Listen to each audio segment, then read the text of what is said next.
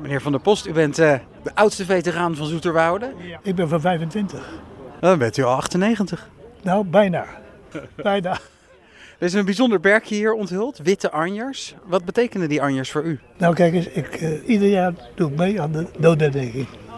Want ik heb drie kameraads verloren daar. Dat vergeet je nooit. Alleen daarom doe ik mee. We gingen met 32 jongens we zijn met 29 teruggekomen. Kijk nou, zaterdag is het natuurlijk speciaal voor de veteranen. Daar staat heel de Haag vol, maar daar ga ik niet naartoe. Maar Zoeterwoude was u erbij? Was ik erbij. Want jij bent een beetje de initiatiefnemer van het Witte Anjerperkje in Zoeterwoude. Wat, wat betekent zo'n Anjerperkje? De Witte Anjerperkje is natuurlijk het, uh, het symbool van een stukje erkenning en waardering voor veteranen. Uh, iederjaars Veteranendag, de laatste zaterdag van juni in Den Haag.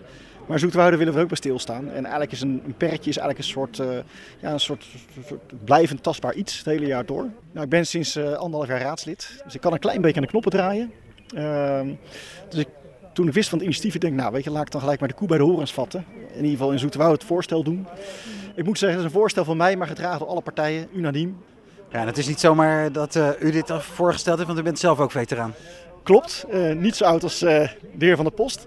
Nee, ik ben zelf ook veteraan. Ik ben uitgezonden naar voormalig Joegoslavië. Uh, dat is ook al een, tijdje geleden. Uh, maar goed, het heeft, maakt best wat indruk, zeg maar. Uh, veel dingen voor geleerd, ook voor de rest van het leven. En ik vind het toch mooi dat we met z'n allen een beetje stilstaan bij al die militairen die in het verleden zijn uitgezonden.